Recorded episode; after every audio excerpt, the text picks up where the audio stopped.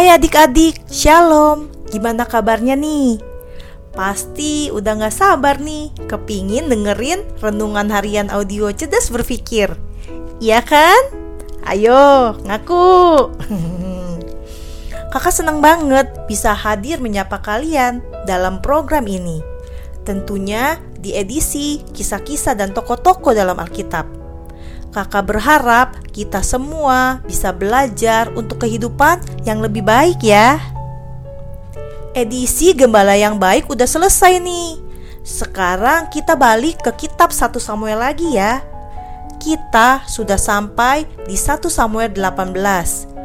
Jadi, setelah Daud mengalahkan Goliat, 1 Samuel 18 ayat 6 sampai 7 mengisahkan gini. Tetapi pada waktu mereka pulang, ketika Daud kembali sesudah mengalahkan orang Filistin itu, keluarlah orang-orang perempuan dari segala kota Israel menyongsong Raja Saul sambil menyanyi dan menari-nari, dengan memukul rebana, dengan bersukaria, dan dengan membunyikan gerincing. Dan perempuan yang menari-nari itu menyanyi berbalas-balasan. Katanya, Saul mengalahkan beribu-ribu musuh, tapi Daud berlaksa-laksa. Laksa adalah bilangan dengan jumlah 10 ribu.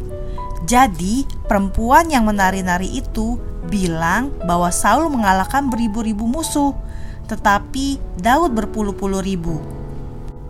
Wah, gimana tuh perasaan Saul pas dengar perkataan itu? 1 Samuel 18 ayat 8 sampai 9 melanjutkan gini. Lalu bangkitlah amarah Saul dengan sangat dan perkataan itu menyebalkan hatinya. Sebab pikirnya, kepada Daud diperhitungkan mereka berlaksa-laksa, tetapi kepadaku diperhitungkannya beribu-ribu. Akhir-akhirnya, jabatan raja itu pun jatuh kepadanya. Sejak hari itu, maka Saul selalu mendengki Daud. Bahkan ya, pas Daud lagi main kecapi untuk Saul, 1 Samuel 18 ayat 11 mengisahkan gini. Saul melemparkan tombak itu karena pikirnya, baiklah aku menancapkan Daud ke dinding. Tetapi Daud mengelakkannya sampai dua kali. Sampai sebenci itu Saul kepada Daud. Saul menghabiskan hari-harinya dengan perasaan benci karena iri kepada Daud. Yang Saul pikirkan hanyalah bagaimana caranya supaya Daud celaka. Dia nggak mikirin lagi tuh gimana menjadi pemimpin pasukan Israel. Dia juga tidak berusaha memperbaiki kesalahan yang pernah dia buat. Ya, begitulah kalau kita dipenuhi oleh rasa iri. Seseorang bisa menghabiskan energi, waktu, pikiran, bahkan hidupnya untuk memuaskan rasa irinya. Dan misalnya nih, ada seseorang iri sama orang lain Katakanlah dia iri karena orang lain punya gadget Pineapple X1. Terus dia berpikir bahwa dia akan bahagia kalau punya gadget tersebut. Pas dia punya, kebahagiaan tersebut pelan-pelan akan berkurang. Nantinya juga iri lagi sama yang lain. Simpelnya gini, iri hati tuh mirip-mirip sama ketamakan kalau tidak segera sadar, iri hati itu tidak ada habisnya. Bahkan bisa saja hal baik yang kita lakukan hanyalah supaya bisa memuaskan rasa iri.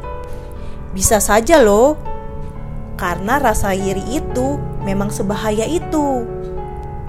Nah, untuk menghindari rasa iri hati, kita harus belajar bersyukur. Bersyukur itu penting banget loh dengan bersyukur, kita belajar menerima yang kita miliki, apa adanya. Itu adalah cara untuk menghindar dari rasa iri. Sebagai penutup, kakak mau bacain 1 Tesalonika 5 ayat 18 yang bilang gini. Mengucap syukurlah dalam segala hal, sebab itulah yang dikendaki Allah di dalam Kristus Yesus bagi kamu. So, Yuk kita belajar supaya nggak iri. Oke? Berdoa yuk.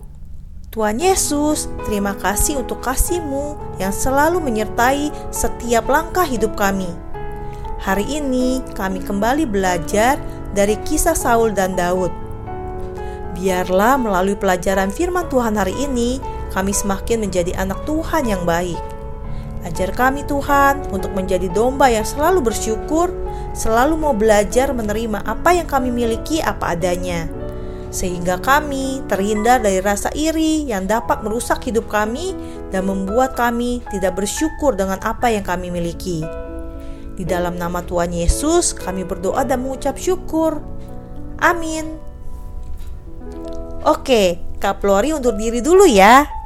Ahem. Kalau mau ke tukang cukur, jangan lupa membawa uang. Yuk, kita sama-sama bersyukur.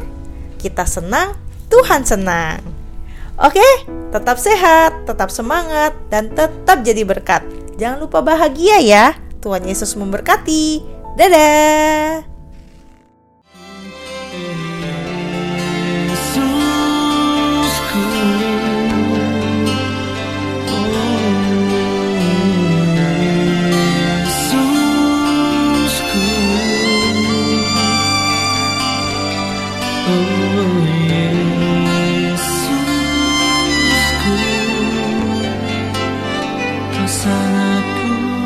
知道